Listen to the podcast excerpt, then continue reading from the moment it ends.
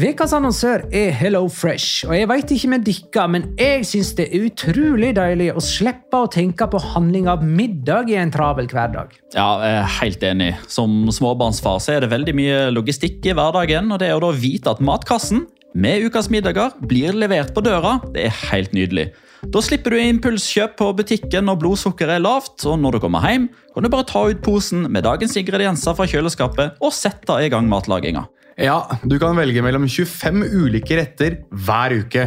Og de har faktisk en egen kategori som heter Raskt og enkelt, med masse enkle og gode oppskrifter. Veldig greit å ikke måtte ty til takeaway hver gang det er hektisk på jobb. Jeg gleder meg spesielt til sterk chilikylling i min neste kasse. Jeg blir sulten bare av å tenke på det. Ja, Det er ikke feil med bacon og cheeseburger heller, da. Og det som også er bra, er at matkassen koster det samme hver uke, som gjør det enklere å holde matbudsjettet. Ja, og så blir det ikke matsvinn heller, fordi du får akkurat det du trenger til hver eneste rett. Hello Fresh kan absolutt anbefales, og bruker du koden vår, LIGALOCA, kan du få opptil 1779 kroner i rabatt på de fem første matkastene hvis du ikke har prøvd Hello Fresh tidligere. Du kan også prøve koden hvis du har avslutta abonnementet ditt for tolv måneder siden eller mer. Gå inn på hellofresh.no og bruk koden LIGALOCA. Bon appétit! Hallo? Jeg kommer fra Oslo politikammer. Ine Jansen er purk. Er du purk? The motherfucking bitch. Alt jeg vil, er å finne ut hva som skjedde med mannen min. Jon Carew. Er jeg sikta for noe? Iben Akeli. Det er du. Ole So, Lars Berrum og Big Daddy Karsten. Hvem sin side er du på, egentlig? Anette Hoff, Tone Danielsen, Kommer du fra Afrika? Jørnis Josef, Nesten. Kløfta. Trond Espen Seim. Det er synd å si det, men det var feil mann som døde. Purk. Premiere tirsdag på TV2 Play.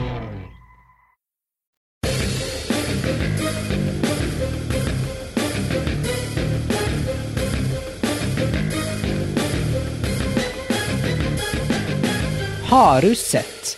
Valencia hadde to strake seire og var akkurat i gang med å sette inn sluttspurten, men så møtte de Cádiz og minte oss alle på hvorfor de er med i nedrykksstriden.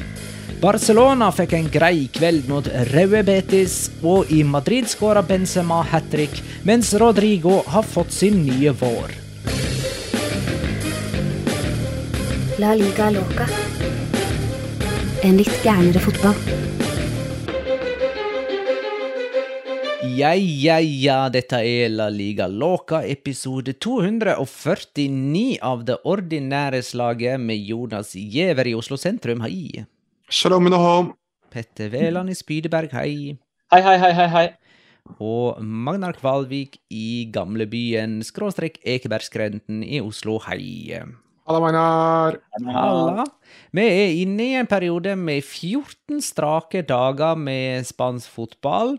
Petter jubla i det stille med knytta never. Jonas støtta hodet til hånda si, mer eller mindre likegyldig. Og jeg prøver å stokke alle tanker for å forstå hva som skjer fra dag til dag i spansk fotball. Um, vi, vi kan, har du en generell locora å sparke i gang dette her med, Petter? Ja, vi kan jo slå fast eh, egentlig først som sist at eh, mye skal gå galt i kveld, mandag, for at ikke dette skal bli den mest målrike serierunden denne sesongen. Ja. Og det syns jeg er litt eh, gøy. fordi som regel når vi har snakka om uh, målskåring og hva som er litt småskitt med La Liga nå sammenligna med før, det er jo gjerne det at disse konsekvente 30-35-40 målskårerne er borte. Og det har på mange måter målsnittet eh, fått. Eh, og man har ligget nederst når Pedrito Numeros og de andre har kommet med sånn ja, Se hvor mange mål som blir skåret i Italia, og se hvor kjedelig det er å se spansk fotball. Så kan man i alle fall for en skakkestund eh, slå seg på brystet og si at eh, den serierunden her, så var det mye ræva forsvarsspill.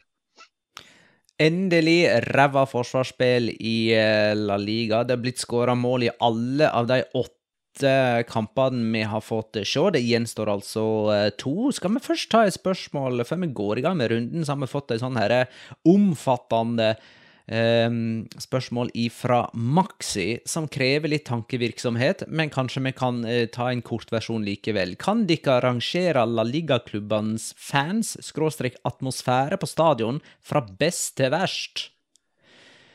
Uh, altså, nå... Bunn tre, da, istedenfor å krangle om hvem som får niende og hvem som får ellevte? Ja, det er ja. greit. Topp tre bunn tre. Ja. Altså, Ta botten tre først, da. Det dårligste. Retafe er vel sikkert der, da, tenker jeg. Ja. Retafe er der. Uh, mm. Almeria er der. Ja, det er jeg enig i. De er forferdelige. Og så vil jeg nominere en tredjeplass her, som jeg syns på mange måter er litt urettferdig, men samtidig en konsekvens av hvor bedritent laget har gjort det. Men stemninga på Martinez Valero, altså eh, der, der, burde det vært god stemning på lørdag. Men til tross for 4-0 så var det jo knapt så det var en desibel som ble hørt gjennom TV-ruta. Ja, det skal sies da at vi hadde jo uh, Eirik Koren var jo der og så den kampen. Og han meldte om at det var altså så få til stede en time før kamp. Han hadde aldri sett det så folketomt. Uh, men at det også var 38 grader og vindstille. I skyggen. I skyggen. Så da tenker jeg at det er ganske vanskelig å rettferdiggjøre å sitte og se på et lag som har blitt pissa på i så enormt Altså i 31 serierunder før det her, da så kommer Rayo på besøk, som har litt vind i seilene, for så vidt. Og det er ikke sånn at du fristes til å gå da, tror jeg. Um, så jeg skjønner det litt. Men jeg, jeg er enig i den uh, bunntreeren. Og så kan jeg i hvert fall nominere ett lag på, på topp da, av uh, de topp tre. Og det er vel sikkert ingen som blir kjempeoverraska over at jeg går for uh, Valencia. Som altså på kvelder, når det er ordentlig god stemning, så er det ikke en klubb i La Liga som er bedre på hjemmebane enn en Valencia. Vi har altså Getafe, Almeria og Elche på de tre nederste. Det er jo, eh, de, det er jo tre lag som enten har rykka ned, eller veldig snart gjør det, eller um, kjemper i nedrykksstriden. Og så har vi et nytt nedrykksstridslag i toppen av atmosfæren, altså uh, Valencia. Mm. Uh, Jonas nevnte jo dette med uh, spesielle kvelder. Det, det, er jo stort sett sånn, egentlig, syns jeg, på alle i Spania at uh, du har skikkelig ræva stemning enkelte dager og skikkelig god stemning andre dager. Kunne jo ja. nevnt både Santiago Bernabeu og kamp Camp Nou i både topp og bunn, egentlig. Ja, enig i det. Uh, Men Benito via da? Real Betis? Vi, vi, må en tur til Andalusia og nevne Betis og Sevilla. Det som er dark horsen min, og som jeg syns er litt sånn ut, unntaket fra dette um, som egentlig kan oh, Jeg vet hvor du skal. Hvor du vi, skal. Vi, vi, kan, vi, kan, godt bruke det som sånn generell terminologi, at når det trykkes til i Spania, så står det ikke tilbake igjen for så veldig mye. Men sånn generelt så skal det litt til før man liksom oppildner seg. Men Jonas, et sted så er det jevnt trøkk hele veien, og det er Jeg gjetter nå på at du skal si Pamplona og Sassona. Og El Sadar, det er helt riktig. Det er faktisk ja. førsteplassen min. Og det er fordi det er ikke så veldig ofte de har grunnlag for å nå de høye toppene. Det skal så ekstremt lite til. Det er en corner, det. Så er det hurra meg rundt og okseløp på tribunen. Da har ja. vi Ja, skal vi si Valencia Betis og Osasona, da, på topp? Ja, det kan du for så vidt gjøre. Men eh, litt sånn på strak arm, dette her, da. Det, ja, nå, det er ikke vitenskapelig bevist. Vi klarer liksom å gå glipp av Raja Vallecano og Vallecas nå også. Jeg får liksom litt, jeg tenker, utenfor topp tre også. Ja, jeg tenker at de, er For å si det sånn, da. Det er fryktelig mange stadioner i Spania det er gøy å dra på. Eh, og det er eh, en sånn dårlig myte om at eh, spanske fotballsupportere ikke er gærne og klikker i vinkel på tribunen. Det er ikke så veldig stor eh, kultur for bortesupportere, det er det ikke. Men eh, hjemmesupportere er som regel ganske gode nesten overalt. Jeg husker til og med eh, da vi pleide å dra på Botarque for å se Leganes spille hjemmekamper. Der var det kjempestemning! Så um, jeg anbefaler folk å dra på stadion i Spania uansett. Eh, og så sier det kanskje litt om meg. Eh, jeg vil si at de sier mest om de. Det er så dårlig stemning der at jeg rett og slett glemte å tenke på de. Eh, Español. De har en jobb å gjøre. Ja, Liten topp nå i de to siste kampene mot Cádiz og Retafe fordi de har mobilisert. Men det trengs en mobilisering til for at det skal være trøkk der. Ja, Skal de faktisk få en uh, Botten 3? Jeg lurer på om de skal få den Botten-plassen. Altså. Jeg lurer på om vi skal skåne Elche, jeg, altså. Ja. Uh, for uh, de klarer jo det, det, er jo knapt Altså, det er jo full eh, fest når det er halvfullt, altså på, på RCD Stadium, som, som, det jo, som jo er knapt ti år gammel, og som aldri har vært skikkelig full, i alle fall eh, ikke i flere kamper på rad. Uh, nei, men eh, runde 32, da. Kamp for kamp. Uh, Tar en kort oppsummering her. Osasona Real Sociedad 0-2. Uh, Real Sociedad har funnet formen i grevens tid. De har bare ett tap på siste fem eh, kamper. Elche Rayo Vallecano 4-0. Eh, Rayo slo den suverene serielederen Barcelona i midtveka, og tapte mot det suverene bortenlaget Elche i neste kamp. Real Madrid Almeria 4-2. Karim Benzema skåra hat trick før pause, men han skåra ingen i andre omgang og klarte dermed ikke å kopiere Tati Castellanos, eh, Tati Castellanos som skåra fire mål på Real Madrid for Girona i midtveka. Barcelona-Real Betis 4-0. Betis med enda et rødt kort før pause, og da blir de rimelig sjanseløse på kamp nå. Cádiz-Valencia 2-1. Valencia hadde to seire på rad. Nå har de null seire på rad og er to poeng over nedrykksstreken. Villarreal Celta Vigo 3-1. Villarreal holder liv i håpet om å ta en fjerdeplass fra Real Sociedad, men det er fremdeles fem poeng opp dit. Español Getafe 1-0. Etter åtte seriekamper bra uten seier, så vant endelig Español deres første trepoenger under Luis Garcia. Valladolid, Atletico Madrid 2-5. Atletico er to poeng bak Real Madrid, mens Valladolid har brått fått det tøft igjen etter den oppløftende starten de hun hadde under Pezzolano. Eh, nå i disse dager Jeg har glemt for øvrig å si Mallorca Athletic Club og Sevilla Girona i går henholdsvis klokka 7 og klokka 21 den mandagskvelden vi sitter og spiller inn dette, altså. Vi har ikke fått sett de to kampene. Eh, nå i disse dager så er jo alle kampene Valencia spiller de mest interessante, så skal vi gjøre det sånn igjen at vi begynner med Valencia som tapte mot Cádiz. De har tapt. Eh, Jonas, er er du med oss?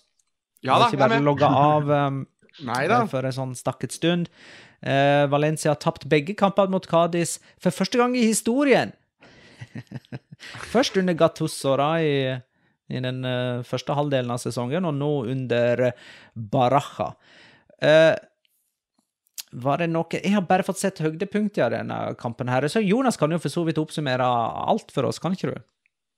Ja, jeg kan jo for så vidt det. Altså, det Litt sånn forventa egentlig at et Cádiz som var mer framme i skoa Jeg syns det er veldig rart at Baraja går tilbake igjen til å spille 3-5-2 når de var åpenbart veldig veldig mye bedre når de la om til fire bak eh, mot Valladolid. Altså, jeg syns de var kjempegode og liksom framme i skoa i andre omgang mot Valladolid. Her så kom de liksom aldri helt i gang. Det er igjen en keepertabbe som gir de den ene skåringa når eh, Ledesma egentlig feilberegner en utrustning, og så får Samuel Lino muligheten til å sette den i mål. Det er en kjempegod avslutning for så vidt òg. men jeg syns sånn kampen sett under ett, så syns jeg det er veldig fortjent at Kadis vinner. Jeg synes, Han var veldig nære ved å være min rundens spiller, eller for nominasjonen min. Pacha Espino syns jeg var helt enorm, den kampen her. Altså, han, han gjør så mye for det Kadis-laget, spesielt i det å bare løpe. Altså, han, han har liksom forstått det der, at det er litt undervurdert bare å være i gang hele jævla tida. Og det er han, altså. Så, og så plutselig Gon Gonzalo Escalanta har liksom aldri skåret mål i sin karriere før. Men denne sesongen her så er det bare plutselig dukker han opp med Hva er han oppe i nå? Fem eller seks skåringer? Altså, han er helt rå. Um, og så er det selvfølgelig Valencia som ikke kommer til start i andre omgang, og da er det egentlig en kjempeenkel skåring for Sergi Guardiola etter at Kømert har solgt seg helt fullstendig i en duell i forkant. Så det Valencia er tilbake til å gjøre Valencia-feil, og, og det er de Valencia-feilene som eh, jeg tror til slutt feller dem, da, og kommer til å være grunnlag for at de rykker ned, selv om jeg var eh, Når Spanjol slår Chetaffe, så er jeg liksom litt sånn Oi, jøss, ja vel, skal vi få skikkelig race for, eh, mot nedrykk? Når eh, på en måte du har eh, litt liv i eh, Español-skipet også. Så Men, eh, men, sånn sett under ett, Valencia var eh, bedritne. Og, og, det var vel egentlig litt det Ogo Doro sa etter kampen også, at uh, altså, vi, vi, får det ikke til å stemme. Altså, vi, kom, vi, er, er ikke, vi, er, ikke, klare til start. Altså, vi, er ikke på. Og det, det har liksom oppsummert Valencia i store deler av de 32 kampene de har spilt. Det er ingen Cádiz-spiller som har skåra mer enn tre mål eh, denne sesongen. Lucas Perez er fortsatt delt toppskårer i eh, Cádiz, selv om han reiste til Deportivo la Coruña i eh, januar. Men høy eh, Petter og Jonas dere skal jo opp mot eh, hverandre. Valencia og Villarreal møtes på eh, nå i midtveka. Og da Valencia i kamp mot nedrykk, Villarreal i kamp om fjerdeplass. Hva tror dere? Det spørs litt hva slags type kamp det blir. da, for Jeg var jo i likhet med Jonas litt sånn overraska. Sånn altså, På en måte så kan du jo forstå at de ønsker å få inn Kømert i tillegg til Diakaby og Øskazar, fordi man har nok antageligvis skjønt på forhånd og, og analysert Kadis. Og etter to minutter av det analysearbeidet, så skjønner de at her blir det bombardert med cornerer, frispark, innkast, innlegg og andre ball og trøkk og gjenvinning og det som er si, noe av det mest primitive som finnes, men samtidig noe av det mest effektive når du da møter et lag som i utgangspunktet ikke er skodd for å spille en sånn type uh, fotball. Uh, altså, Nico Gonzales, du ser at han blir avkledd i duellspill gang på gang. Det er han som slipper Gonzalo og Escalante. Altså, det er jo en La Masia, born and bred-fyr som skal inn og egentlig være en liksom feinschmecker som er god når han spiller foran seg. Samuelino som, eh, som er god når han er rettvendt og får utfordre én mot én. Fikk jo nesten ikke tak i ballen, bortsett fra når han fikk den, bokstavelig talt, av Conan Ledesma. Og maksimerte akkurat den, da, det skal sies. Men samtidig så er det litt sånn Du går fra å møte Kadis, som er primitiv, primitiv, primitiv, enkelt, enkelt, enkelt, basic, basic, basic, til uh, Viareal, som nå er i kanonform, som, men som samtidig spiller sånn ekstremt åpne fotballkamper mot Español nå i forrige midtuke. På torsdag var vel det, så lurer jeg på om det var 47 avslutninger i kampen. Det var ikke like mange mot eh, Celta i en kamp som de vant 3-1, men der hadde Celta like mange målsjanser og skudd på mål og osv. Uh, ja, så lenge vi hadde får straffe og Dani Parejo fortsatt skal ta det, så er det jo en, uh, knapt en halvsjanse. Altså, det greiene der det er sur melk, altså. Det har gått ut på dato for lenge siden. Så det, det står liksom skrevet i stjernen at Viareal kommer til å få en straffe på Mestalla som er poengavgjørende, og Dani Parejo bommer. Mm, ja, eh, før vi forlater akkurat eh, Cádiz eh, Valencia, så må jeg bare få sagt eh, Ifølge Pedrito Numeros da, så skåra Cádiz etter et innkast. Ja. Altså, eh, jeg glemte å dobbeltsjekke det da jeg så igjennom dette her sjøl, men er dere helt sikre på at det ikke var et feilkast? Ja, det var det helt sikkert. Ja. Helt sikkert feilkast, stort, men Stort sett så eh, er det jo det, men eh, det er litt, men, men, det er litt ergerlig at jeg ikke fikk eh, studert til nøye, og, og dermed slå det fast. Men, men, det skal sies da at det var La Ligas Rory Delap som tok kastet, så han, han kan sine greier, godeste Luis Hernandez. Riktig, og Cádiz har skåra fire mål etter innkast. De er toppskårere på innkast i La Liga. Jeg skulle akkurat å si det. Det var en scoring i Lagerbäcks tegn. Uh, for ja, Vi husker Island som hadde alle disse ulike målene sine på innkast. Så det, han satt sikkert og nikket anerkjennende til dette.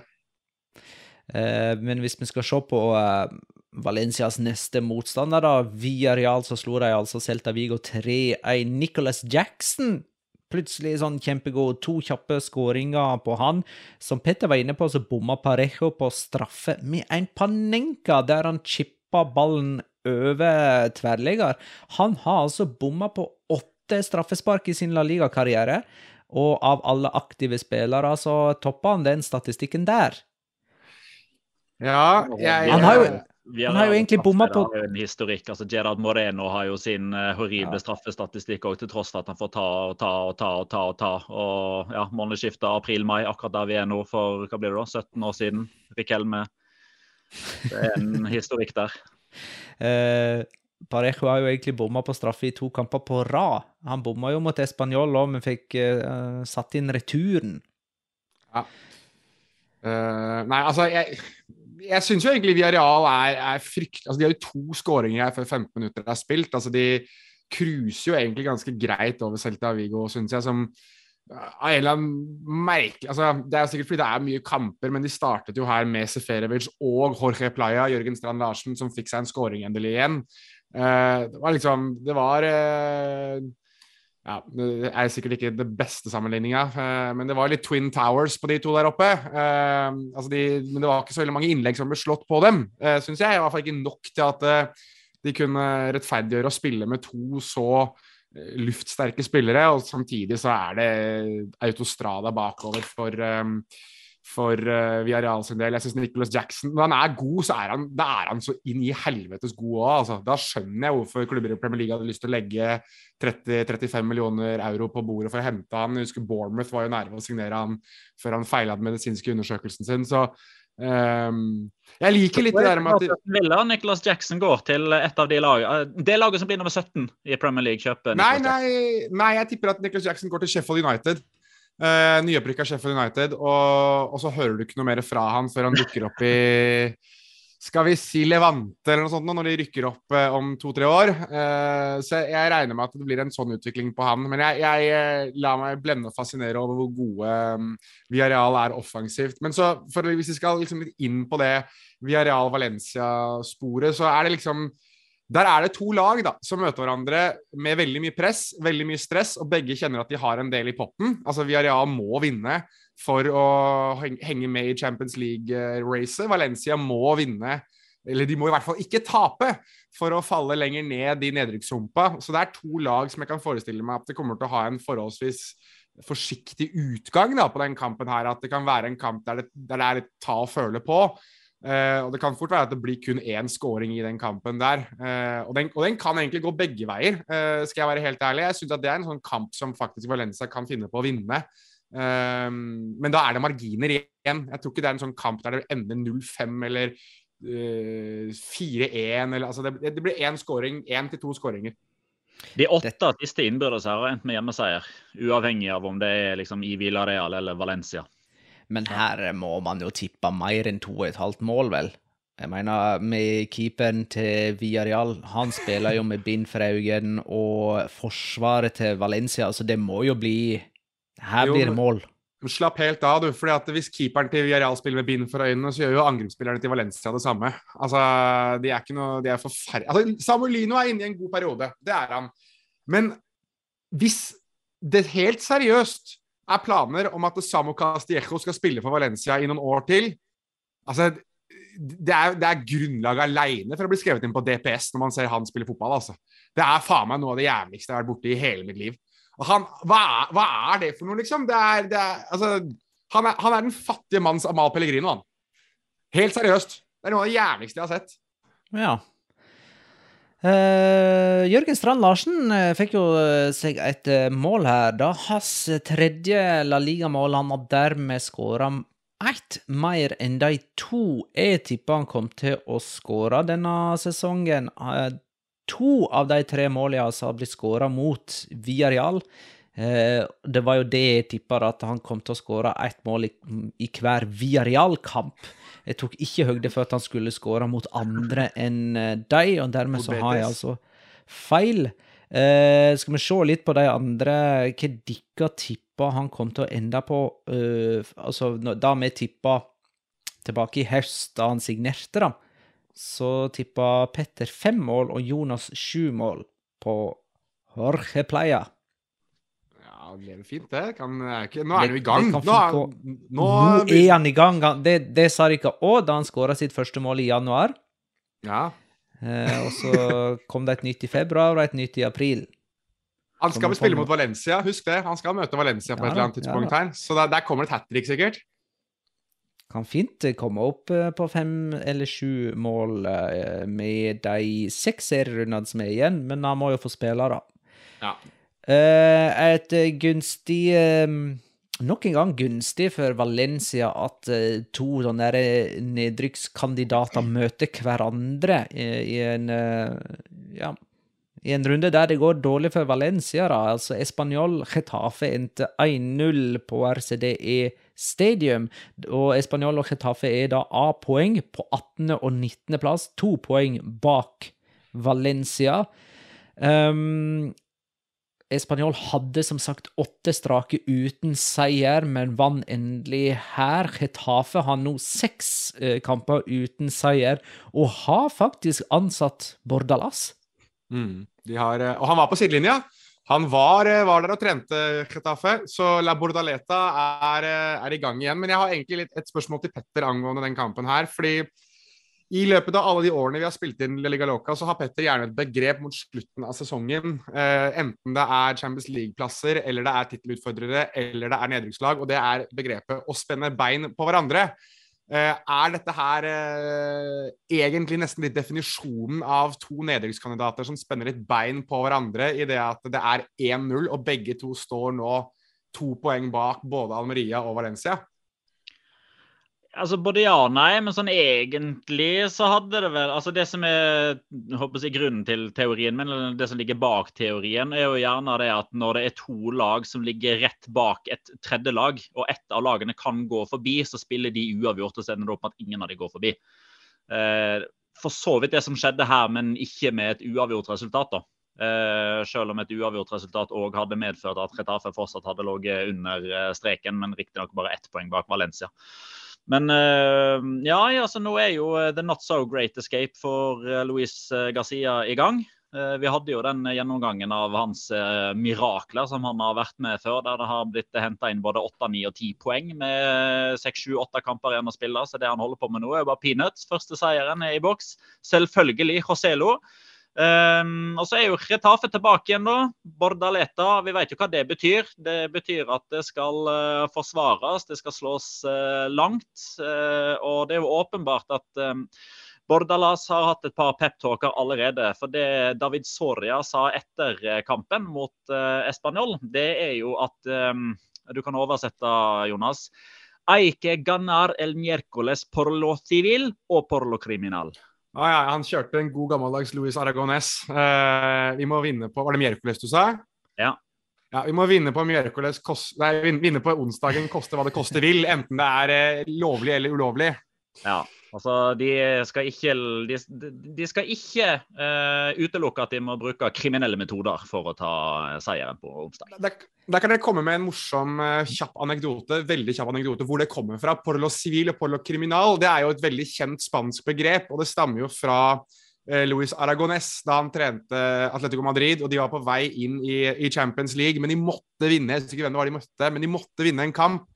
Og da sto han og skreik foran alle spillerne sine por lo civil og por lo criminal vamos a estar en champions, som betyr altså enten vi må gjøre det lovlig eller ulovlig, så skal vi til Champions League.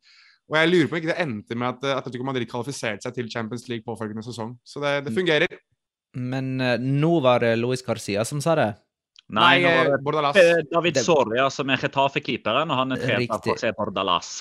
Det er Dette der er jo et Retafe-motto i alle fall eh, under eh, Bordalas, og er Fugli skriver for en stygg fotball Chetaffe spiller. Eh, er det for øvrig noen mulighet for Español-overlevelse? Eh, altså Først og fremst, så hvis eh, Vi må huske at eh, Pepe Bordalas var jo treneren som fikk Erik Ten Hag til å vippe helt av pinnen på sidelinja i Europaligaen da Chetaffe mm. møtte Ajax. Um, og Ten Hag har jo på en måte blitt kjent for å være en veldig sånn seriøs, men forholdsvis uh, sindig fyr. Uh, han, han, var jo helt oppe i trynet på Bordalas og vifta med fingre og det som var uh, i Europaligaen. Så den fotballen Chetafe spiller nå, den kommer bare til å bli verre. og mer kynisk og mer grusom og mer fysisk og mer det kommer til å være mer rødskjær i de kortene de kommer til å få framover. Jeg tipper at Damian Suárez kommer til å få mye spilletid nå mot slutten. Uh, og hvorvidt Español kan overleve? Ja, det, det kan de. Altså, det er uh, to lag over dem, føler jeg, som begge to er ganske dårlige. Uh, Valencia er det ene, og Almeria er det andre. Jeg har sagt at jeg tror Elche rykker ned sammen med Español og Valencia, men jeg kan fort forestille meg at det er Elche, Almeria og Valencia f.eks., og at Español faktisk får litt vind i seilene sine. Men det fordrer jo at de har i hvert fall en god opplevelse nå eh, i neste seriekamp. Og de er jo borte mot Sevilla, og de skal også spille mot Barcelona. Så de har på en måte en ganske vanskelig innspurt eh, Español, og de skal vel også spille mot, eh, mot Valencia i nest siste serierunde eh, på Mestalla. Så Español har eh, Og de skal møte Atletico Madrid, ser jeg her også. Så de har, de har masse vanskelige kamper. Liten uh, shout-out fra meg til Svein T. Solås på Twitter. Um, fordi i slutten av mai uh, da kom jo disse rapportene om at uh, Peter Lim drev og forhandla med Gennaro Gattuso allerede før Bordalas hadde fått fyken. Eh, eller før han hadde fått beskjed om at han hadde fått eh, fyken. Så da tvitra jeg litt sånn eh, Ja, Valencia et nøtteskall, men hva skal Bordalas gjøre? Og så spekulerte jeg i Atletic, at det neppe blir de. Kanskje han tar Levante i Segunda eller et sabbatsår. Og da svarte 1.6.2022 så svarer da Svein T. Solås Bordalas baserer vel inn dørene på Coliseum Alfonso Perez når Retafe ligger med ett poeng etter sju serierunder neste sesong. Ett poeng etter sju serierunder, det stemmer ikke, men de vant bare to av de første elleve. Og så kom han spaserende inn dørene på Coliseum Alfonso Perez. Den er sterk. Eh, du har jo en runden spillernominasjon eh, til Espanol Getafe, Petter.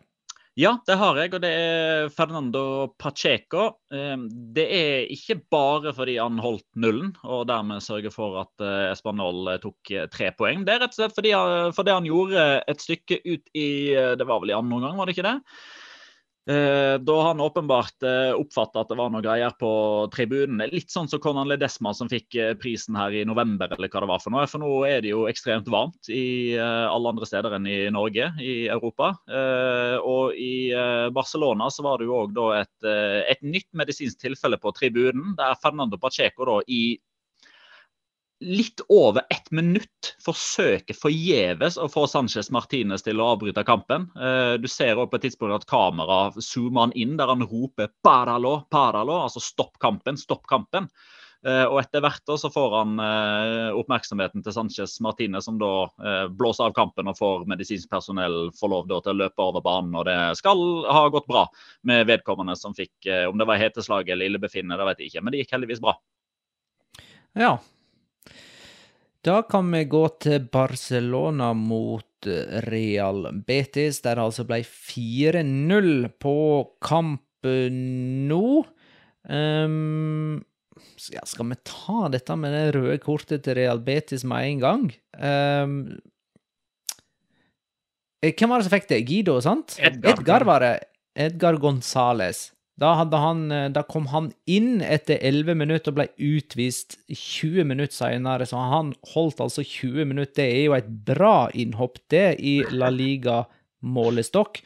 Uh, og det var på stillingen 1-0 til Barcelona etter ca. 33 minutter at han ble uh, utvist. I tillegg så ble jo altså Joaquin kom inn for Betis og ble skada. Da hadde de brukt alle byttene sine, så på et tidspunkt så spilte Real Betis med ni mann. Mm. Føler egentlig det å summere opp sesongen deres. Altså. ja, sånn er Betis, da.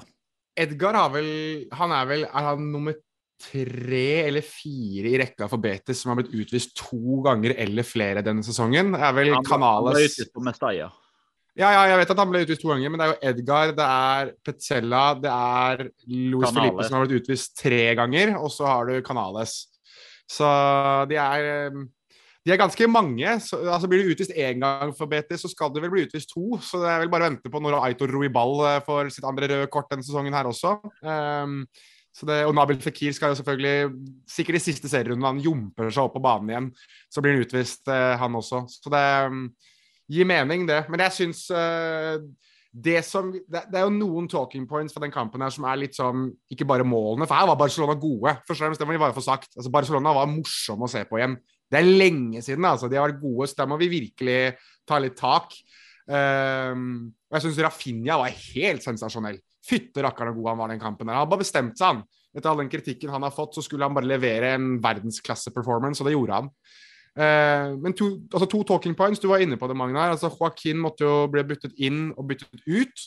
Uh, kneskade. Han for så vidt en fin ting at han satte seg på benken og ikke måtte ut i garderoben med en gang, for da er det jo fort noe alvorlig. Uh, men det er jo mange som spekulerer i om rekker han f.eks. å bli byttet innpå eller være en del av de neste par serierundene, nå som de kommer så tett på. Uh, for å ta den rekorden til Andoni Subisaretta. Uh, jeg har ikke sett noe laguttak ennå for Betis sin del nå til neste serierunde, men jeg, jeg, det var mange som tenkte at oi, var karrieren til Joaquin plutselig over på Camp Nou? Eh, og det blir jo spennende å, å følge med på. Så det, og så er jeg, som den personen jeg er, litt sånn grinete over at Joaquin ikke klarte å holde seg på banen i noen minutter til, for da hadde du fått tidenes aldersforskjell på to spillere på banen samtidig i, eh, i La Liga. Så kan en av dere få lov til å utbrodere hva jeg skal fram til. Jo, altså at eh, Joaquin er sånn 41 år, og Lamin Jamal er 15. eh, Ja. Som blir eh, 16 års aldersforskjell. Men den Altså- derre Den derre low 20, 26. Hæ? 26 års aldersforskjell. Eh, 26 blir det. Ja. Uh, mm, eh, men den derre low-greia fra der, der han derre assistent Nei, han treneren kom inn og spilte noen minutter på slutten av en kamp på 40- eller 50-tallet, eller var det før det igjen òg? Der men- da òg var det en 16-åring på banen, ser du. Så det var 48 år gamle low Ja, okay. mot en eller annen 16-åring. Så det hadde ikke blitt det eldste. Men for, den største aldersforskjellen. men for moro, morohetens skyld så det, Da håper jeg at Real Betis bare bytter inn på Manuel fuckings Pellegrini i siste serierunde. det morsomme her uansett er at eh, For jeg satt og så den kampen her med Magnus Jølle Bernstrøm, og det vi fant ut, var jo at eh, altså Lamin Jamal er jo da født så vidt før Joaquin spilte sin siste landskamp for Spania. Altså han, han fikk to landskamper etter at Lamin Jamal ble født. Eh, og det var det siste han spilte for Spania.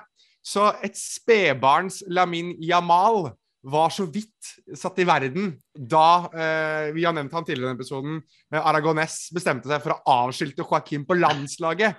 Så der ser dere hvor ungt det begynner å bli når 15-åringer debuterer i La Liga. Eh, Lamin Jamal eh, var tidenes femte yngste Primera-spiller, eh, med 15 år og 219, eh, 290 dager. Eh, Luca Romero er fremdeles den aller yngste, med 15 år og 219 dager, da han kom inn for Mallorca i si tid. Og siden ikke har så vi lenge kjørt for siden. han. Hm? Og siden har vi kjørt for ham. Nei, er ikke han i Serie A nå? Jo da, han får et innhopp her og et innhopp der i Lazio. Ja, men han er jo fortsatt bare sånn 16-17, så han er jo Med 18 Ja, OK. Men fortsatt ikke forventa å liksom prege eh, fotballverden. Så man kan fortsatt høre mye fra han. Gavi er Eh, uenig. Ja, det er Du har noen sånne unike. Uh, Dembélé kom inn til stor applaus. Uh, det er ikke så lenge siden at han ble bua på i Barcelona. Nå er han på en måte nesten som en sånn type uh, Vi må snart få Dembélé tilbake, skal vi vinne noe?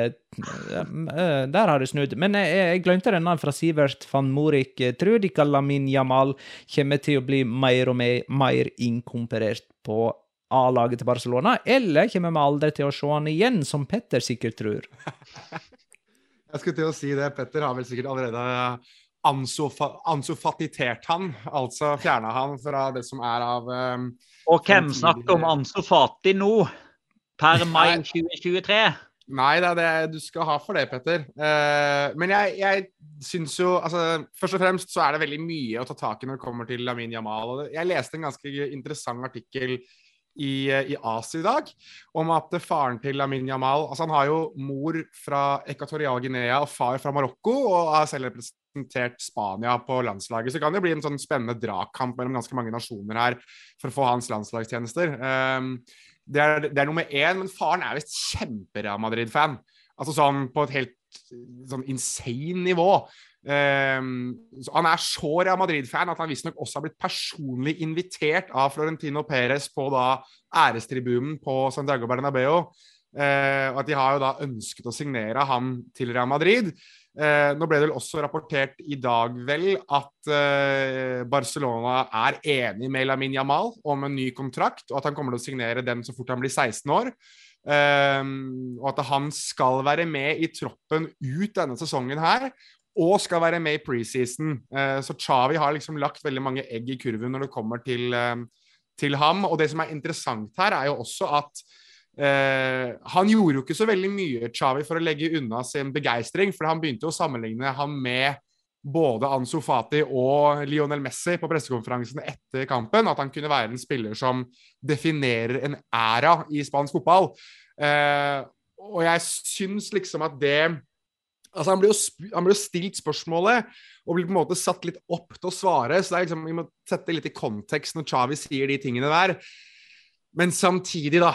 Fytte rakkeren hvor mye du legger på skulderen til en 15-åring når du begynner å snakke om at han kan være en som definerer en æra. Eh, han har så vidt spilt i eh, noen minutter på øverste nivå. Ja, han så superspennende ut. Ja, man har hørt om Lamin Jamal lenge. Men vi hadde liksom hørt mye om Ilias Akumak òg. Vi hadde hørt veldig mye om S. Abde. Ja, han gjør det bra i Osasona. Det, altså, Jean-Marie Dongo skulle redefinere fotballen, og det skulle Alm Halilovic også. For ikke å snakke om Guy Asolin. Det er lenge er... siden vi har hørt én mann trakka i alle hypefeller uh, på så kort uh, tid. da. Ja, men det, det, er det som er liksom mitt poeng her òg. Altså, jeg, jeg, har ikke kapasitet til å se ungdomskampene til Barcelona. Men det er det jeg, veldig mange andre dedikerte Barcelona-supportere som gjør. Spesielt de som bor i Catalonia og som kan reise og se juvenilkamper og Benjamin og Alevin og, og alt dette her. Og så har man òg Twitter-kontoer. Og det er, liksom, det er, litt interessant å se, for det, jeg føler at alle disse Barcelona-talentene driver f.eks. altså John Coles har vel en, eh, en Twitter-konto, Albert Rocher og et par andre, Gerard Romero er òg liksom eh, litt inne på det. Det er litt sånn eh, martingale-variant for de som er kjent med betting. Altså kvitt eller dobbelt. Taper du det første bettet, så dobler du innsatsen. Taper du det, så dobler du igjen, og så dobler du igjen, og så dobler du igjen. Og til slutt så skal du enten ha tjent penger, eller så går du rett og slett konkurs. Og det er litt sånn for hver gang det er en ny Barcelona-spiller som er på vei opp, så står det liksom det samme. De bare bytter ut navnet. Det blir sånn Ja, jeg vet at jeg sa det om S. Abde, men Ilias Akumak, altså, det er the real deal. Det er noe annet. Og så nå er det sånn Ja, jeg vet at jeg sa det om Ilias Akumak òg, men altså, Lamin altså, Det er noe helt annet. Altså, det, det er noe nytt. Altså, det er noe spesielt der. Og så er det veldig vanskelig for oss å liksom vite ok, skal vi tro på det denne gangen eller ikke. Uh, og med meg at jeg uh, gikk litt hardt ut mot uh, godeste Anso Fati, så får jeg ta et motsatt standpunkt siden nå at nå, nå kommer gullkalven. All right. Skulle jeg skrevet ned dette her, da? Uff, orker ikke akkurat nå. Nei, drit i det. det jeg, jeg, får, jeg, får, påpakning når han spiller Segunda i 2026, uansett. Men, Siste ord her, Jonas. Siste ja, jeg, ord om dette nå. Ja, jeg skal være kjapp. Jeg, synes, jeg vil bare stelle meg litt bak det Petter sier. At den derre eh, kulten som Barcelona-supportere eh, En del av dem har sånne kulter, nesten. Det er liksom én spill... Altså, Ricky Pooch er kanskje det beste eksempelet på dette. Ja, ikke sant? Han er kanskje det beste eksempelet. Altså, det var bare en sånn Nesten sånn derre Jeg holdt på å si Temple of People-stemning rundt at han bare var Han var profeten, han. Sendt fra fotballgudene selv. Og hvor er han nå? Eller Galaxy? Så ja, vi får i hvert fall se. Eh, Barcelona trenger åtte poeng på sine siste seks serierunder for å vinne La Liga. De kan sikre tittelen i 34. serierunde mot Español på RCDE Stadium, mens Español altså kjemper mot nedrykk. Eh, Real Madrid sto Hæ? På et halvfullt RCDE-stadion. Ja, det, det, skal du se. Det hadde vært helt fantastisk. Uh, Real Madrid slo altså Almeria med 4-2. Uh, Benzema skåra hat trick, og jeg uh, er mer eller mindre programforplikta til å nominere han til rundens spiller. Det er, jeg tar den enkle oppgaven med å gjøre det, men samtidig, Rodrigo er jo ganske eye-catching om dagen, da. Det forspillet han hadde til det andre målet der, det er noe av det lekreste vi har sett i La Liga i år. Og det var ikke så verst eh, skåringen hans heller, fra sånn 20 meter. Han er bra, han òg. Ja, han er eh, sinnssykt god. Og jeg syns at den du er inne på, det, der, frem, altså det spillet hans eh, jeg fikk, jeg vet ikke om jeg var den eneste, jeg tror det var et par i Patrion vår som du får tilgang til gjennom eh, Nei, i discorden vår som du får tilgang til gjennom patrion.com slash. Jeg tror eh, en del av de var også enig i at det minnet lite grann om Fernando Redondo på Henning Berg i, i 2000. Mm. Altså den flikken bak skulderen og løpe rundt. Så det er helt fantastisk. Så, og jeg sier det, jeg har sagt det før, jeg sier det igjen. altså Rodrigo er en Rolls-Royce-spiller, altså. Det er bare klasse, det er eleganse, det er power, det er alt på en gang. Altså det Og det går ikke ut på dato å være så god som det han er. Altså. Han er helt nydelig å se på. Ja, nå er de jo på nivå begge to, da. Venicius Junior og Rodrigo. De, de, er jo på samme nivå, de, da. Nesten. Altså sånn akkurat per i dag. Eh, Rodrigo hadde vel en god vår i fjor òg? Ja da. Så det er litt, ja, litt sånn av og på. Ja. Mm. Men, det, men, det, har liksom vært eh, det stempelet han har fått, da, litt sånn rettmessig. fordi han, han, har alltid vært god i Champions League. Husker det hat tricket mot uh, Galatasaray, og så var han jo egentlig mer bidragsytende enn f.eks. Venicius i de tre enorme snuoperasjoner. Der var det jo én Benzema, to Rodrigo, og så var det et hakk ned til Modric, og så kom liksom Venicius og var en altså Misforstå meg rett, han bidro med sitt, han òg. Eh, men i La Liga så har det liksom vært sånn jevn progresjon for Venicius, mens det har hakka litt mer for eh, Rodrigo. Men fikk dere med hvem som var på tribunen i den kampen her? Uh, ja, jeg tror jeg gjorde det. Salt Bay. Okay. uh, så, det var ikke her Pacheta var? Nei. Uh, Turki al-Sheikh satt ved siden av Florentino Perez. Selvfølgelig, ja, men for faen, Det er du ikke overraska over, er du det? Ja, hva betyr det? Nei, det betyr vel ikke noe annet enn at uh, Jonas igjen får et nytt uh, jeg, bevis på hvor PR kåt og hvor mange gode venner oppe i hierarkiet Turki al-Sheikh, som jo er Almeria-eieren, uh, har. Uh, altså, det er jo verdt å bare For de som ikke kjenner Tyrkia al-Sheikh, bare for å ta det superkjapt. Altså, Han er jo eieren av Almeria, og han er også en sånn type konsilier til kronprins Mohammed bin Salman av Saudi-Arabia eh, altså, og har hatt veldig mye ansvar for å kjøpe og fikse en del av disse store pengeeventsene som har vært i Saudi-Arabia de siste par årene, altså store boksekamper og Formel 1 og mulig rart, er det jo Turkia Sheikh som har organisert. Han har en tiårsavtale med World Wrestling Entertainment som er der en gang hvert år. Eh, altså sånn Pengemessig så er, er, Almeria den klubben i La Liga som har altså De har tilgang til mest penger av alle klubber i La Liga. Uh, uten tvil.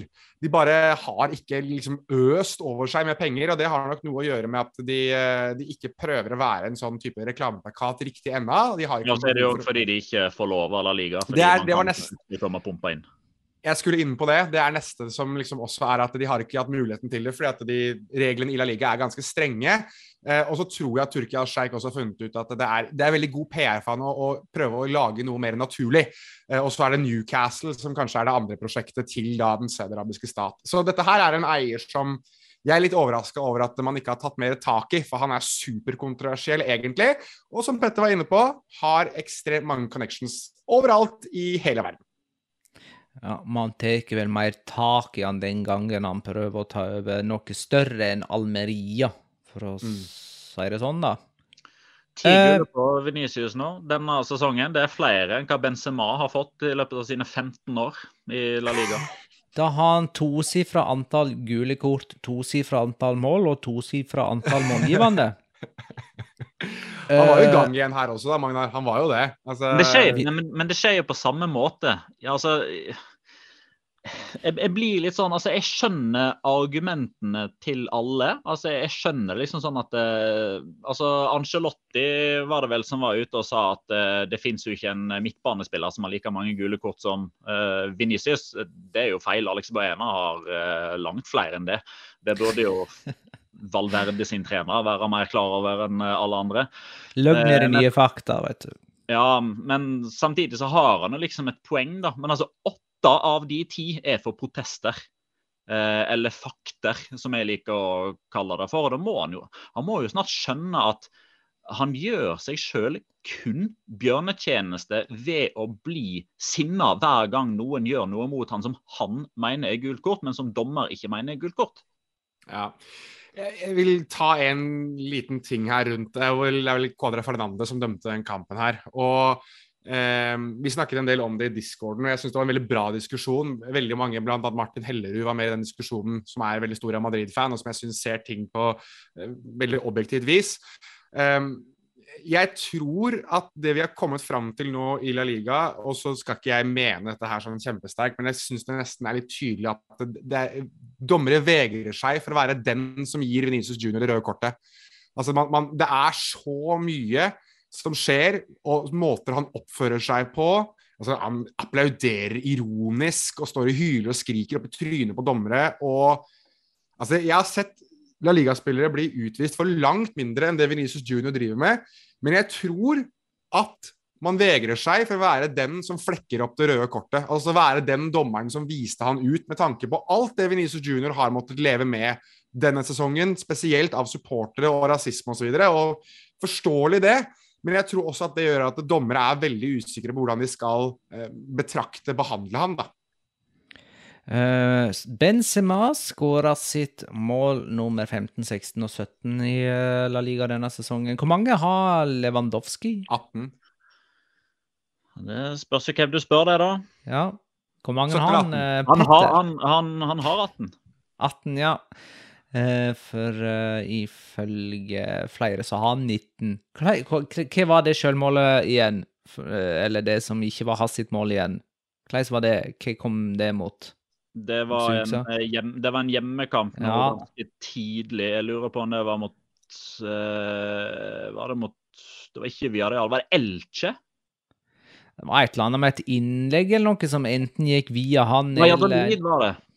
Ja, OK. Uh, men 18 står han på, så det er altså Benzema 17, uh, Lewandowski 18 i kamp om Pichichi. Vet du hvem som skårer det sjølmålet? Uh, Joaquin. Ja, han skåra selvmål ja. nå òg. Nemlig. Uh, og da ikke Joaquin Sanchez, som, som, spiller for Real Betis og er 41 år gammel, men han andre Joaquin, som spiller for Valladolid og ikke er så spennende. Og spiller som han er 41 år gammel. ja, vi kan eh, hoppe dit. Han skåra altså sjølmål for Valladolid, som tapte 5-2 hjemme mot Atletico Madrid. Mm. Mm, ja, er det så mye mer å si enn det?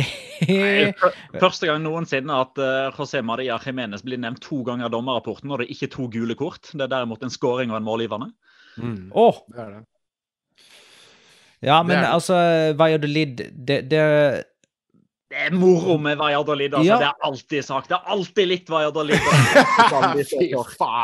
det, det går jo litt tyngre nå, da. Eh, etter at de var så bra. Altså, på de tre første kampene under Pezzolano så ble det to seire og én uavgjort. Eh, men nå har de to strake tap mot Valencia og Atletico, og på de to kampene har de sluppet inn sju og skåra tre. Men de kommer til å slå Rayo på torsdag. Ja, det kan fort skje. Det kan jo det. Det var mye har... stangskudd. Det var mye, veldig mye stangskudd og tverrlegger og sånn her for um, Valladolid, det må vi jo si. Altså, jeg syns resultatet lyver litt for deres del. da. De var jo for alvor med i den kampen her. Ja, de lå under 3-0. Reduserte ja. to ganger og var fryktelig nær å utligne og, og ta en slags eh, Tottenham uh, på Liverpool-variant. Uh, um, mm. Men du har jo en uh, rundenspillernominasjon fra denne kampen, Jonas. Ja, jeg har det, og det har uh, Altså, jeg kunne sikkert tatt uh, José Marquimenes, hadde gitt veldig mening, det òg, men jeg syns uh, både den kampen her, for så vidt, men også litt sånn generelt nå. Nå er Antoine Griezmann er verdensklasse igjen. Og det er gøy. Det er kjempegøy, for jeg har vært den som har snakket om at det kan vi liksom fjerne han fra verdensklassedebatten, og han er liksom ikke en del av de beste spillerne i verden. Nå er han det, altså. Og jeg, jeg, jeg har alltid sagt det at Eh, dere vet jo hva jeg tenker om hårsveiser og farging av hår og masse fakter og piss og møkk. Du kan gjøre det hvis du er god. Du kan gjøre det hvis du er veldig god. Og nå er Antoine Griezmann så god at han har både hvitt og rosa hår samtidig og ser ut som en jævla crash pink is. Uh, og det er, eh, det er, helt enormt hvor god han er, både i småspill, det å holde ball, føre. Her har han vel to mållinjer. Jeg syns spesielt det mållinjene til Alvaro Morata er helt strålende. Uh, og, og, derfor så syns jeg at det er på tide at man anerkjenner litt hvor god Antoine Griezmann faktisk er for et lag som Atletico Madrid, som nå begynner å nærme seg veldig Real Madrid uh, på tabellen. Altså Det er kun to poeng som skiller dem. Vi kan faktisk få et scenario der det er Atletico Madrid som blir runner-up til uh, Barcelona. Og veldig mye av det er fordi Antoine Griezmann nå er, i mine øyne, akkurat nå, sånn som han spiller, La Ligas beste spiller. Jeg, tror det, jeg, tror det, blir nummer to. Jeg. Det har jeg sagt uh, ganske lenge. Altså, siden mm. de tapte mot Mallorca på ferieøyer eller rett før VM der, så, er, så, har de tatt like mange poeng som Barcelona. De er det beste laget i, i La Liga de siste månedene. Og det er jo litt sånn på en måte så skal det jo ikke være sånn at Atletico Madrid skal framstå som et lag med masse overskudd fordi de har røket tidlig ut av alle andre turneringer. Men det har nok gjort det i noen tjenester med tanke på det at uh, han har sluppet å rullert så mye. Griezmann har liksom fått hvilt i midtukene, og det gjør jo at de har veldig masse overskudd sammenlignet med f.eks nevnte Celta Vigo, som plutselig benka både Jago Aspas og Gabri Veiga. Det er jo fordi det er fem kamper nå i løpet av 15 eh, dager, fordi det er to midtukerunder på rad. Eh, mens Atletico Madrid har kjørt mer eller mindre samme startelver i, i, ganske mange kamper på rad nå. Eh, og så er det ekstra moro å se Atletico Madrid når Jan Oblak er skada, for det blir det alltid baklengs. Uh, Memphis Depay skåra for Atletico. Han har skåra ett mål hvert 80. minutt han har spilt denne sesongen. Litt, litt sånn glemt uh, spiller. Litt glemte kvaliteter der. Uh, han har spilt ti La Liga-kamper, og det har gitt ni seire og én uavgjort. Mm. Uh, skal vi sjå Det neste jeg har på programmet, er en prat om Osasona Real Sociedad 02. Uh, har du sett et sjølmål fra Sergio Herrera? Uh, om hans tabber nå skal begynne å få konsekvenser for han og Osasona, så kan det bli skikkelig stygt framover for de som jo har Copa del Rey-finale til helga og greier. Når, Men når det, må jo Eitor Fernandes stå. Men ja, når, når, det er sagt, da Han har jo noen feberredninger som han jo òg får til å se enda mer feberaktig ut fordi at han vet veit han er på TV og alt det der. Men det, uh, altså, det var bare den ene tabben, og utover det så, så virka det ganske bra fra Herrera. Uh, så jeg er litt spent på hvem som står i den finalen, egentlig. Du må huske det, Magnar. Det som er greia her, er jo at Aitor Fernandez skal starte denne finalen. Men de skal bytte inn Sergio Herrera når det er straffesparkkonkurranse. Hmm. Syka ut Karim Benzema, som dermed skyter utafor på straffen. Yes, han skal bli helten. Det er jo det som er. Han kommer inn i det 121. minutt og blir helt. Men, men, det som virkelig hadde vært legendarisk, var om Aito Fernandez starta, og så fikk Real Madrid straffe etter 20 minutter, og så setter de inn på uh, Sergio Herrera. Bare sånn for å psyke ut Karim Benzema. Mm. Det hadde vært litt gøy. Det hadde vært litt gøy. Eh, Real Sociedad har vunnet all, eh, sine siste fem kamper på El Sadar, så de har skikkelig taket på Osasona i Pamplona. Det er for øvrig første gang i historien at Real Sociedad vinner fem strake bortekamper mot en og samme motstand. Um, og så har de tatt flere poeng borte enn hjemme denne sesongen, uh, Real Sociedad. Så Altså, Anoeta er jo egentlig en stadion vi kunne ha nevnt eh, i den der diskusjonen før vi kom skikkelig i gang her med, med, med, stemning, når det er skikkelig stemning, da. Hva du ville si da, Jonas? Det jeg ville si, var at jeg begynner å frykte litt for Alexander Sørloth, jeg. Eh, begynner å lure litt på om eh, Real Sociedal har lyst til å Jeg vet ikke om de har en opsjon, men det har de kanskje ikke. Eller om de faktisk har lyst til å forhandle en avtale for han. Nå skjønner jeg jo at det er rullering. altså Hvis du ser startstillingen, så er det på en måte eh, er tilbake og spiller lenger fram i banen. Han har jo spilt en del back. altså Mohammed Ali Shaw fikk en start. altså det, eh, Carlos Fernandes var jo spissen som startet her for Sociedad, som har to mål som ikke er hans mål på eh, to kamper. altså det um, men jeg begynner å lure litt på om man i hvert fall er inne i diskusjonsfase Eh, rundt hvorvidt man skal ta og prøve å forhandle fram en avtale for Sørloth. Jeg syns ikke han har sett bra ut. Altså. Han kommer inn her og har bl.a. en involvering der altså, han mister jo drakta hans, blir jo revet i stykker. Så han er, jo, han er jo åpenbart et uromoment. Eller Juan Cruz, vel, som ødelegger drakta hans, hvis jeg husker helt feil. Um, og, så han er jo åpenbart et uromoment og en type som uh, kan finne på å, å, gjøre ting selv, og som gir um, La Real en mer fysisk presence på topp. Men når det går dårlig for han, og når det ikke fungerer, og han er inne i en dårlig steam, så vet jeg at det ser ganske dårlig ut, og det har det gjort i en forholdsvis god periode nå, føler jeg. Han hadde åpenbart en scoring mot Rayo, men Jeg kjenner jeg frykter litt for det. altså. Jeg kjenner Med tanke på at han kommer til å koste penger, eh, sikkert eh, 15-20-25 millioner euro. Er det verdt det? Tror de tenker at det kanskje ikke er det nå. Jeg tenker at Hvis det er 15, så er det verdt det. Hvis det er 25, så typper de skyggebanen. For da blir det rekordsum. Og det som skjer når det er altså Sociedad kjøper spillere for rekordsummer, er jo at de ødelegger kneet et kvarter etterpå. Jo, Altså, men der har du det. Han Der er har det. Altså, han har jo ikke Jeg vil jo si at sånn Akkurat nå så går det kanskje litt tyngre, men sånn totalt sett da, altså Han har skåra fire mål mer enn nestemann, som er Brais Mende, som var helt enorm på høsten, som, er- som har slukna nå på våren. Og så vet jeg at Carlos Fernandes har vært lenge ute, og så vet jeg at Miquel Sabal har vært lenge ute. Og at Men Omas jeg kommer liksom tilbake snart. Ja da, men, men det er allikevel en uh, toppskårer som har skåra ti Liga-mål på 27 kamper. Han har skåra 14 mål i alle turneringer. Det er en mann som bidrar med sitt, og som òg beviselig har gjort Miquel Sabal bedre og en tjeneste når de to har spilt ved siden av. og Det har de ikke gjort så veldig mye. Jeg syns òg at Kobe og Sørloth fungerer veldig bra. Ja, det er en ting du glemmer her òg. Eller som, jeg vet ikke om du glemmer det, men en faktor som jeg tenker også er ganske viktig å legge ved her. Akkurat nå ligger de altså på fjerdeplass. Hvis de gjør det, åpenbart, så spiller de jo Champions League neste sesong. Da kan du handle på en annen hylle også. Da kan du være mer tilgjengelig for kanskje bedre, mer ettertraktede spillere som har lyst til å spille Champions League. Og det tror jeg ikke gagner Sørloth på noen som helst måte. Og da tror jeg det er mye enklere for Lareal å si at å ja, dere vil ha så mye penger for han. Nei, men vi, vi, kan, vi kan se om det er noen andre som er tilgjengelige som gjør det litt bedre enn han. For andre spillere vil være mer aktuelle for oss nå, fordi vi skal spille Champions League. Ja, for øvrig En siste ting på Sørloth. Det jo litt artig den der seansen mellom han og, eh, han og dommeren eh, Pizarro Gomez. For han måtte jo ut Sørloth og bytte drakt, fordi den, den revna jo eh, mer enn eh, Ja, nå skal jeg ikke si det jeg hadde tenkt å si. Eh, han måtte bytte drakt, for å si det forsiktig. Og så står han uh, ute på sidelinja der og er veldig ivrig etter å komme inn igjen. Og så virker det som at han, han misforstår dommeren litt. For dommeren har en sånn der bevegelse som gjør at Alexander Sørloth tror at han skal få et kort. Og Alexander Sørloth står jo på fire kort, og den neste kampen er hjemme mot Real Madrid. altså jeg tipper Det er liksom en av de kampene man har mest lyst til å være med på. Og Det, det ansiktsuttrykket og den reaksjonen til Alexander Sørloth når han tror at han skal få gult kort, den er priceless. Og så er den ganske eh, prisløs, eh, den reaksjonen til Pizarro Gomez òg, når han reagerer på Sørloth sin reaksjon, og så ender det opp med at de bare smiler og ler og gir hverandre nesten en liten klem på sidelinja der. Det var fint.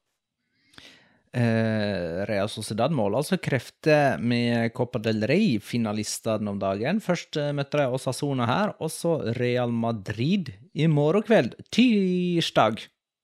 Eh, Osasona møter Barcelona på kamp nå tirsdag, før de spiller Copa del Rey-finale mot Real Madrid lørdag. Fin uke for dem. Um, Siste kampen jeg har snakka om, er Elche Rayo Vallecano, der Elche altså vant 4-0. Elche hadde vært matematisk klare for nedrykk om de ikke vant denne kampen. Nå er det fremdeles håp, med 18 poeng igjen å spille om, og bare 17 poeng opp til trygg grunn. Dette var Elche sin første seier under Beka Cheche etter fem strake tap. Klubben har fremdeles færre seire enn trenere denne sesongen. Og min locora kommer fra denne kampen uh, her. Uh, Rayo fikk Lejeune utvist uh, før halvtimen var spilt på stillingen 0-0. Han takla med to strake bein og stempla det ene knottesettet i høyre kne og det andre knottesettet i venstre legg på Peremia. Han fikk først gult kort, protesterte på det. Men det gjorde òg videodommer, som mente at det var rødt. Og etter at dommeren fikk en dobbeltsjekk på det, så var han enig, og dermed altså utvisning på Lejeune. Jørn Henland spør hvor stor kaktus vi skal sende til Lejeune. Vel, i alle fall stor nok til en av ukas locoras. Jonas har òg locora for denne kampen her. Ja, jeg har det. Jeg vil bare supplere det du var inne på her nå. Fy faen, for en takling der. Det er Phil Kitchomolidis, som vi kjenner fra The Spanish Football Podcast, satt jo og kommenterte den kampen her, for det var jo åpenbart engelsk kommentator. Og ja, det der, Så fort man fikk se, fikk se reprisen en gang, så var det bare sånn That's a red card. That has to be a red card. det, var sånn, det, var ikke, det var liksom ikke, det var ikke noe sånn Well, yes, perhaps Nei, that's a red card! det var helt med en gang. Det var ikke, det var ikke engang grunn til å spekulere. Men 19, Eh. 19 av 20 La Liga-dommere hadde gitt rødt kort der. Alberola Rojas hadde stått og plukka av seg headsettet og sagt nei, den er gul. Eh, Matteo Laos derimot, han hadde først vist ett rødt kort, peka på høyre knott. Og så hadde han gitt ett rødt kort til og peka på venstre knott. Han hadde fått to røde av Matteo Laos. Mest sannsynlig. Um, men en ting som er litt gøy her, eh, som er min lokore, er jo at eh, åpenbart Elche vant jo 4-0. Eh, så jeg tenkte at eh, faen, det skjer jo ikke så jævlig ofte det at de skårer fire mål i en kamp, og spesielt ikke vinner 4-0. Så jeg ville se, har de noen gang gjort det før? Og har de på en måte klart det i løpet av sin tid i, i La Liga? Og det har de faktisk. Um, fordi, mine damen und herren, eh, 29. eh, februar, altså nesten nøyaktig eh, åtte år før, altså 29. i 4. 2015, i runde 34, så klarte Elche det mot Deportivo la Coronia. Og jeg har lyst til å lese opp eh, Eller jeg vil ikke lese opp, men jeg vil at dere skal prøve å, å ta hvilken spiller som var i troppen til Elche da, som fremdeles er i troppen deres nå. Og når dere tenker på resultat og hvilken spiller dette her er, så kommer dere til å få hakaslepp så fort dere forstår hvem det er. Altså, det var en Elche-spiller som var i troppen for sju år siden. Åtte år siden. Åtte år siden. Og han, er, og han var der eh, Altså, han spilte kampen da. Han spilte ikke kampen nå. Nei.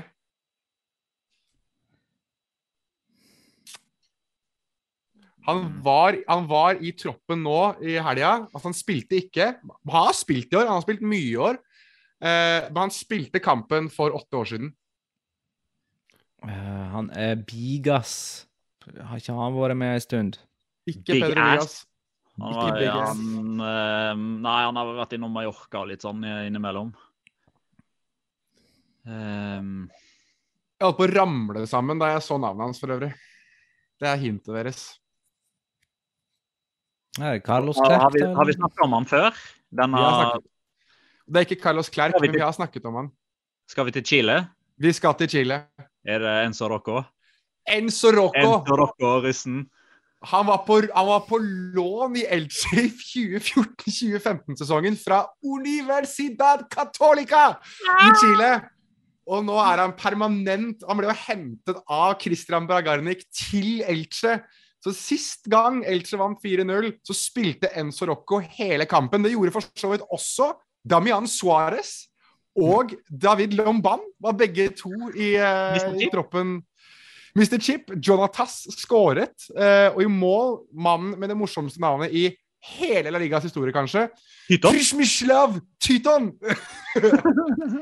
uh, vi må tippe. Eh, eller skal vi ta og kåre runden spiller? Eh, skal vi se Det var Fernando Pacheco, Karim Benzema og Antoine Griezmann. Har vi en vinner i quiz? Ja, det blir en franskmann, iallfall. Ja. Ja, Tror jeg, vil si Karim Benzema og jeg er kort prosess. Jeg tror Benzema er riktig.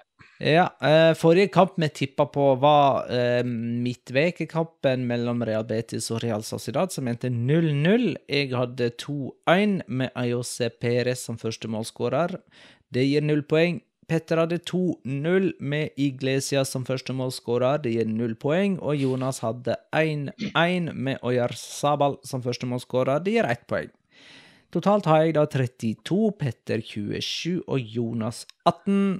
Eh, og nå er det lenge siden vi tippa på en Valencia-kamp, så eh, det blir Valencia via Real onsdag klokka 19.30. Jeg sier 2-1. Samu Castillejo. Fy faen, fuck you. Eh, 2-1 Diakabi.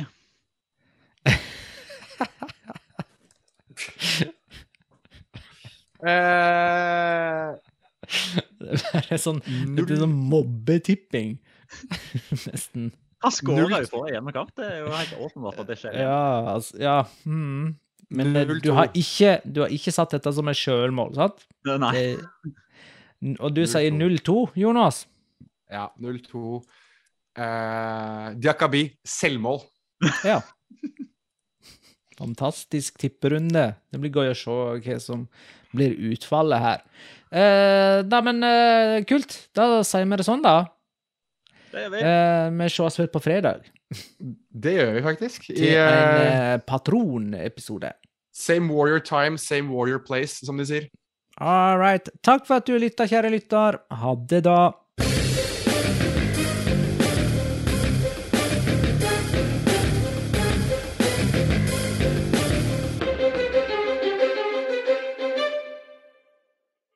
Har du et enkeltpersonforetak eller en liten bedrift? Da er du sikkert lei av å høre meg snakke om hvor enkelt det er med kvitteringer og bilag i fiken, så vi eh, gir oss her, vi. Fordi vi liker enkelt. Fiken superenkelt regnskap.